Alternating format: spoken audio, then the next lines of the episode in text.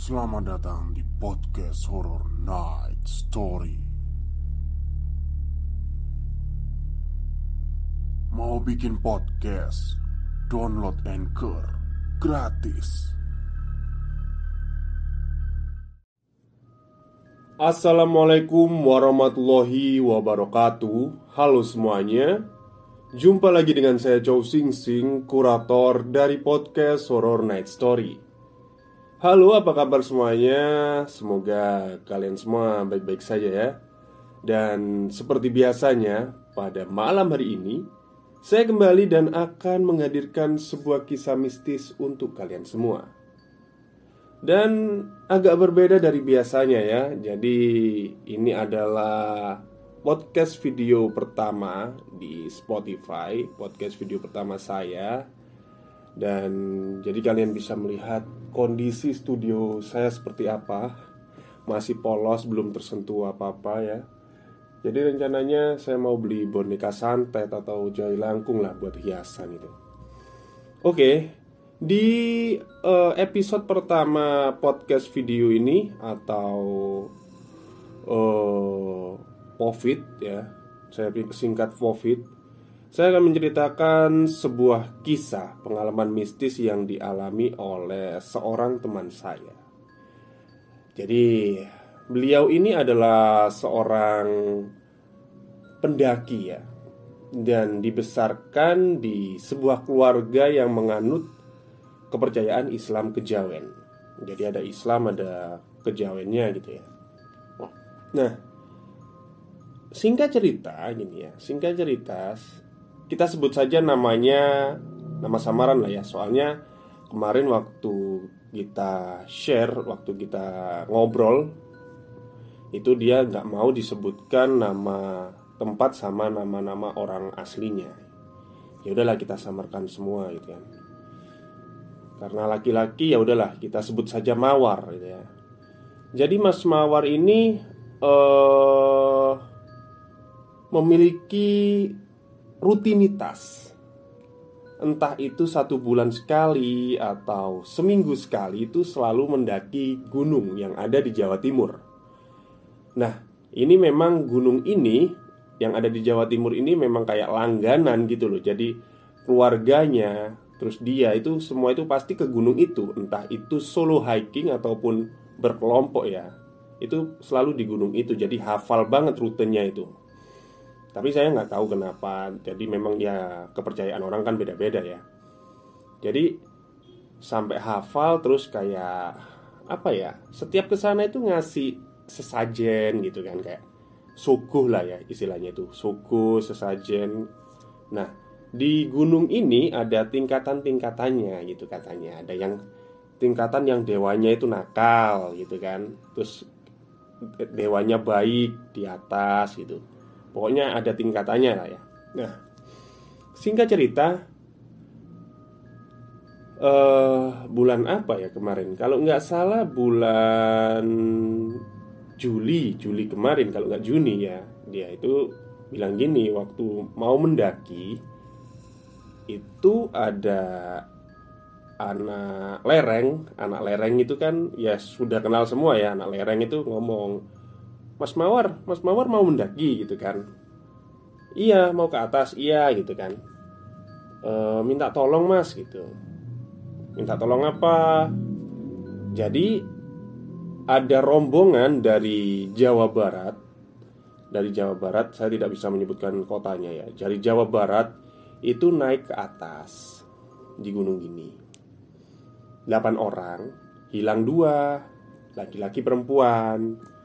Nah, yang perempuan udah ketemu, tinggal laki-lakinya nih yang belum gitu. Jadi perkiraan hilangnya di area situ di apa ya namanya sebutannya itu, saya lupa. Pokoknya di daerah via ya namanya via itu via itu maksudnya itu via itu ala jalurnya via apa gitu katakanlah via lawu atau apa gitu ya jalur lawu itu tadi oke lah ya nanti kalau ketemu saya kabarin nah si mawar ini dikasih HT HT buat walkie talkie lah buat kabar-kabaran ya, sama tim SARS sama juga anak lereng itu tadi. Katakanlah nama anak lerengnya tadi Budi lah ya. Oke. Langsung aja ndaki gitu kan. Karena udah profesional gitu kan. Udah profesional jadinya nggak pakai jalur yang resmi kayak via inilah via itulah gitu kan. Jadi kayak nerobos ke ladang-ladangnya orang gitu katanya. Ya udah sampai beliau berangkat pukul kira-kira habis maghriban pokoknya. Sampai sana hmm, sekitar jam 8 malam itu masih di pos pertama. Masih di pos pertama itu. Itu udah hujan gerimis ya lumayan deras sih waktu itu ya. Kalau saya dilihatin videonya ya gelap gerimis lembab lah. Dia itu tiba-tiba saja kayak mendengar ada suara orang laki-laki anak laki-laki minta tolong gitu. Remaja laki-laki minta tolong. Tolong tolong gitu. Diem aja. Ah mungkin cuma halusinasi gitu kan. Nggak dihiraukan sama si mawar ini oke lah uh, karena istirahatnya cukup lanjutkan perjalanannya setelah lanjut perjalanan sampai di pos 2 Nah di pos 2 ini terdapat sebuah kayak Bukan ini ya Kayak hmm, rumah-rumahan itu loh. Kayak gazebo gitu loh Tapi bukan gazebo ya Kayak kayak rumah tapi kecil gitu ya buat istirahat aja lah kayak gitulah. Nah di situ itu biasanya kalau kata dia orang-orang yang punya niat atau lelaku gitu kan pingin tirakat atau apa itu di situ biasanya tempatnya. Pesanggrahan kalau nggak salah. Di pesanggrahan itu tadi. Di gubuk lah ya. Nah waktu dia mau mau ke sana dia kaget. Tuh kok kayak ada orang gitu kan. Tapi kayak tergeletak gitu di di luar gubuk itu tadi. Tergeletak gitu. kayak ya udahlah kayak orang tiduran gitu kan. Senderan terus kayak tiduran gitu. Tapi matanya melek ya. Waduh jangan-jangan ini yang hilang kayak gitu kan. Dihampirilah orang itu tadi. Ditanyain dia nu nggak ngejawab apa-apa gitu kan. Terus dipegang itu badannya dingin banget. Nah karena takut si Mas Mawar ini takut kalau dia mengalami apa namanya hipotemia gitu kan ya. Ya hipotemia ngambil arak dari tasnya minuman keras ya kan arak itu kan. Buat ngusir dinginnya lah ya diminumin. Tapi kayak nggak bisa gitu mulutnya itu jadi kayak eh nggak mau nggak mau nelen gitu loh akhirnya ditidurin lah ya. Ditidurin ditelentangin terus dikerocok itu tadi. Tapi ya nggak tahu ya masuk atau enggak gitu kan. Yang penting si Mas Mawar ini udah usaha lah ya katanya gitu. Nah Tiba-tiba saja gitu kan Ada Sebuah bisikan. Ada sebuah bisikan itu Mengatakan begini Masukkan aja ke pesanggrahan gitu kan. Masukin aja ke gubuk gitu kan. Terus tutup pintunya Tunggu di situ. Nah kalau menurut dia itu cuma akal-akalannya penunggu yang ada di sana gitu loh. Kayak penunggu yang nakal gitu loh ya.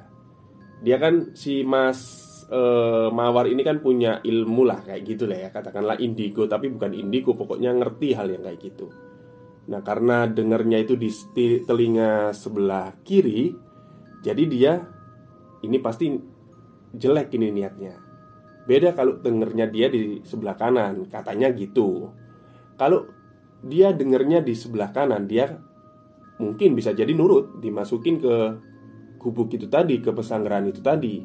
Tapi karena yang didengar di sebelah kiri, jadi ya ya udahlah pasti itu jadi-jadian gitu kan. Nggak diturutin, tetap nunggu di luar. Kan gerimis terus tuh ya. Akhirnya karena uh, kasihan diambillah jas hujan terus dikerupin ke si korban ini tadi ya masih meleng gitu jadi nakutin lah katanya dia itu melek dalam keadaan kayak koma gitu Nah, dingin kan semakin menyerang tuh sampai jam berapa ya lupa pokoknya dingin terus itu. Akhirnya ngidupin parafin lah ya, ngidupin parafin terus ngumpulin pokoknya yang bisa dibakar di situ buat ngangetin badan sambil minum arak gitu kan. Nah, setelah itu kok semakin lama semakin gak enak ya hawanya. Jadi si Mas Mawar itu di situ itu seperti dilihat sama orang banyak seandainya dia waktu itu ngaktifin matanya gitu ya katakanlah mata kayak Naruto itu mata apa sih itu? Chidori atau apa itu? Ngaktifin matanya itu dia bisa ngelihat semuanya gitu. Tapi dia udah terasa aja nggak berani gitu loh. Soalnya ketika ngaktifin ya jelas otomatis dia ngelihat semua yang ada di sana. Akhirnya uh, singkat cerita dia mendengar ada suara langkah kaki gitu kan yang dari semak-semak gitu kan ke arah pesanggerahan ke arah gubuk ini tadi. Ternyata itu adalah Budi. Budi temennya yang waktu di lereng tadi anak lereng gitu kan lu Mas Adam? Di sini mas itu iya ini lo udah ketemu gitu kan Lo kok nggak ngubungin lewat HT HT-nya kok nggak dihidupin? Udah Tapi nggak nyaut nggak ada yang nyaut Gitu kan. Oh ya udah mas. Terus ini gimana? Udah mas Masukin aja ke pesanggerahan Masukin aja ke gubuk gitu kan. Terus tutup pintunya.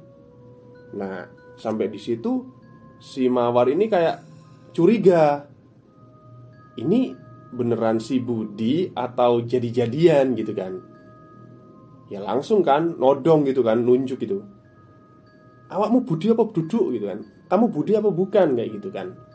Budi Budi mas saya temennya sampean gitu kan. Duduk gitu kan. Bukan kamu Kamu bukan Budi gitu kan. Terus ketawa. Si Budi itu ketawa Terus jalan mundur Nyemplung jurang Duduk, duduk, duduk. Sambil ketawa Ho, ho, ho, ho. Terus nyemplung ke jurang. Nah Ini baru pertama kalinya si Mawar ini ngalamin kayak uh, Ada Jin yang bener-bener menyerupai manusia kayak gitu loh. Apalagi temannya. Oke okay lah. Dia tetap bertahan di sana sambil terus ngidupin HT-nya tadi ya. Karena ya udah dia memang bener-bener ketakutan juga meskipun punya ilmu ya ya pastilah kan pasti kalah sama mereka tuh nah dari arah yang sama beberapa menit kemudian dari arah yang sama datang lagi orang gitu kan dari semak-semak itu tadi. Ternyata ini adalah juru kunci dari salah satu pos atau wilayah yang ada di gunung itu. Katakanlah namanya Pak Waluyo lah ya. Nah Pak Waluyo ini bilang gini ke si Mawar, duh, Mas Mawar gitu kan, kok di sini? Nah, Mawar ini kaget juga gitu kan, ini beneran Pak Waluyo bukan ya gitu? Iya Pak, lu kenapa Mas? Ini sampai nggak tahu tak ada berita kehilangan gitu kan? Ada pendaki hilang, ya ini pendakinya yang bilang, oh ini toh gitu kan? Ya udah Mas, bawa masuk aja kasihan kedinginan. Bawa masuk ke pesanggerahan masuk ke gubuk gitu kan. Nah si mawar curiga lagi. Kenapa harus dimasukkan ke dalam gitu kan? Kenapa nggak ditungguin di sini aja? Udah masukin aja kasihan kayak gitu. Langsung nodong lagi kan. Kamu bukan Pak Waluyo gitu kan. Duh, saya Pak Pak Waluyo gitu kan. Temennya bapaknya sampean gitu kan Enggak, kamu bukan Pak Waluyo gitu kan. Siapa kamu? gitu kan. Bahasa Jawa lah ya kasar. Asu sopo kon? gitu kan. Tiba-tiba Pak Waluyo itu tadi mulutnya sobek katanya si Mawar ini mulutnya sobek terus ketawa ho ho ho ho. Mundur ya sama kayak tadi nyemplung di jurang plung gitu kan. Duduk duduk duduk kayak batu jatuh gitu nah, semakin ke sini kan udah dua kali toh kayak diperlihatkan wujud yang mirip itu tadi, tapi wujud yang kayak apa ya, jadi-jadian itu tadi kan. Akhirnya si Mawar ini mikir, waduh, kalau gini terus energiku juga bisa habis gitu kan. Ya otomatis si si Mawar ini kan juga pakai energi toh buat nangkal e, meminimalisir gangguan dari mereka kayak gitu kan. Oke. Pagi e, menjelang maksudnya hampir menjelang, pagi hampir menjelang sekitar jam 2 gitu. Datang lagi dari arah yang sama. Nah, ini tim SAR. Adam eh si Mawar ini sudah curiga gitu kan.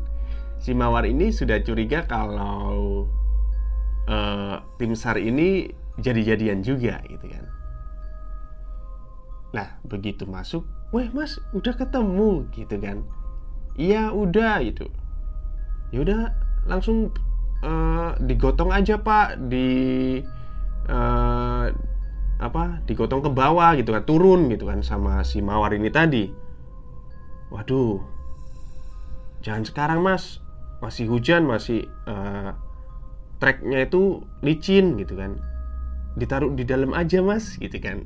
Ya kayak tadi ditaruh di dalam pesanggerahan aja mas. Ditaruh di uh, gubuk aja. Nah si mawar ini udah kayak gimana ya udah tahu lah ya. Kamu bukan manusia kamu gitu. Si mawar ngomong kayak gitu ke dia. Kamu bukan manusia gitu. Loh saya tim sar mas gitu.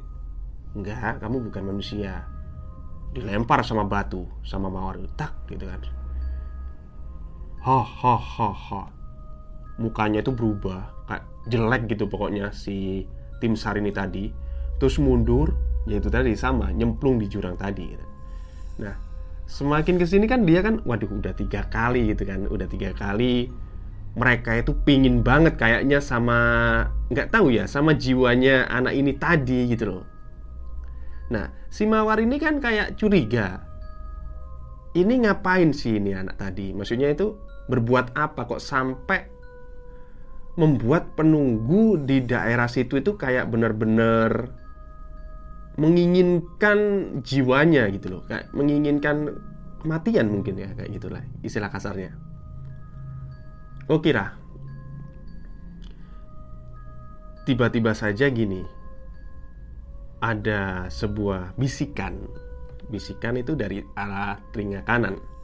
Ngomong kayak gini lebok noai gak popo engkau tak jogo gitu kan. Masukkan aja nggak apa-apa nanti sambil tak jaga gitu. Nah karena ini telinga kanan nih kan dia percaya bahwa yang telinga kanan ini adalah uh, dari mbah-mbahnya yang baik lah ibaratnya kayak eyang-eyangnya gitu kan. Saya nggak paham ya uh, kejawen itu seperti apa. Pokoknya dia manggilnya eyang si mawar ini oh ini dari eyang ini gitu. Ya udah diseret dimasukin ke dalam gubuk itu tadi terus pintunya ditutup. Di dalam itu ya. Si mawar itu ya agak takut juga soalnya apa sih? Kalau kondisi korban ini merem itu masih berani ya. Soalnya melek melotot gitu kayak sakaratul maut lah. Nah tiba-tiba saja ada kakek-kakek. Kakek-kakek ketok pintu. Eh buka pintu mana? Pesanggeran ini tadi. Kan dibuka. Jas. kaget kan si mawar ini? G mbah gitu iki aree gitu kan? G ya. Nah, si Mawar ini tahu sebenarnya kalau dia bukan manusia. Tapi kayak dia itu kayak apa ya? Mungkin kalah energi atau apa nggak tahu ya. Pokoknya dia yakin nih kakek-kakek nggak berbuat nggak bakal berbuat jahat gitu kan masuk si kakek-kakek itu kan. terus duduk sejajar sama kepalanya si korban ini tadi anak hilang ini tadi diliatin aja terus kepalanya tuh kayak digetok gitu sama tangan tok gitu kalau di gunung itu yang sopan jaga tata krama itu dalam bahasa Jawa loh ya bahasa Indonesia nya kayak gitu jaga tata krama jaga kesopanan terus kakeknya itu keluar Nah, si Mawar ini kan bingung. Wah, ini berarti bener ini ini anak ngapa-ngapain ini di gunung gitu kan. Oke lah. Dia itu udah kayak apa ya? Setelah kakek itu keluar, Hawa itu makin pengap. Maksudnya pengap itu kayak dia tuh ngerasa kayak terancam banget gitu loh di dalam gubuk ini. Soalnya di luar tuh kayak dia tuh merasa dikepung sama ribuan demit gitu ya. Aduh, gitu kan. Dia itu cuma ngomong gini. Aku itu butuh cahaya serengenge Serengenge itu matahari sedikit aja Buat biar mereka semua itu hilang Soalnya gini Katanya kalau di gunung Itu kalau sudah ada matahari dikit aja kelihatan Itu mereka itu udah hilang. Alamnya itu udah beda lain gitu kan. Oke lah. Dia berdoa Terus berdoa Terus berdoa terus. Dan ternyata setelah itu Matahari muncul. Eh, keluar-keluar set di situ di daerah gubuk ini tadi udah rame tim SAR. Terus ada temennya tadi Budi anak lereng. Terus ada juga Pak Waluyo gitu kan di situ. Kaget kan? Loh, kok sampai neng kene gitu kan? Kok sampai di sini? Ya memang saya dari tadi dari tadi malam di sini gitu kan. Masa sih gitu kan? Iya gitu kan. Loh, aku loh dari tadi, maksudnya dari tadi malam juga keluyuran kami itu tim SAR, tuh saya anak lereng itu di sini semua gitu kan. Nggak ngelihat sampean, bahkan di dalam gubuk pun nggak ada orang gitu. Jadi seakan-akan mereka itu kena genjutsu gitu loh ya. Si Mawar ini nggak bisa ngedenger, eh nggak bisa ngelihat mereka waktu di dalam gubuk. Nah dari luar juga nggak tahu gitu loh kalau ternyata di dalam gubuk itu ada si mawar padahal udah dibuka udah pokoknya udah semuanya udah ditelusuri lah ya disurvei lah ya nggak ada mawar sama korban ini tadi kayak jadi kayak seakan-akan ditutup gitu ya tabirnya itu. Oh jadi semalam itu kamu di sini itu kan kata si Pak Waluyo ini tadi. Iya Pak itu kan. Ya memang si mawar ini denger ngaku lah ada denger suara keramaian tapi ketika membuka pintu pesanggrahan itu kayak ya udah nggak ada siapa-siapa sepi gitu loh. Tapi dia dengar ada suara orang-orang kayak ngobrol jadi tadi tim sar anak lereng pokoknya semua lah ya. Nah singkat cerita akhirnya korban dibawa turun. Dibawa turun ke bawah ya tentu aja ke bawah ya. Mau ke mana lagi? Dibawa turun ke bawah. Terus waktu di perjalanan si mawar ini kan eh, terakhir lah ya rombongan terakhir lah. Dia itu seperti dilihatin dilihatin itu maksudnya kayak di, dikasih tahu apa yang diperbuat sama anak ini tadi. Anak yang rombongan dari Jawa Barat ini tadi. Ternyata yang pertama dia ini secara nggak sengaja atau nggak sengaja atau tidak nggak tahu ya pipis sembarangan kencing sembarangan. Jadi waktu dia kencing ternyata yang dikencingi itu sebuah arca. Tahu arca toh? Batu kayak ya bentuk patung-patungan gitu loh. Yang ada di semak-semak. Ya makanya kalau kita pip, mau pipis sembah apa di gunung itu ya gimana ya cari tempat yang sopan lah intinya. Jadi dia pipis sembarangan, nggak tahu kalau di bawah semak-semak ini tadi ada arca gitu kan. Lah biasanya kan arca ini kan pasti punya penunggu toh. Pipis di situ dia.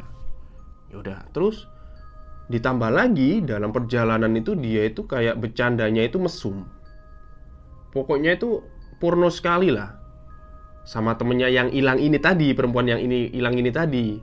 Ngeremes-ngeremes ya sorry lah pantat terus pokoknya ngobrolnya itu ngobrol yang berbau-bau porno kayak gitu kan nah akhirnya ya udah tadi ya udah dua orang ini tadi dihilangin gitu loh sama penunggu gunung disasarin lah ya istilahnya.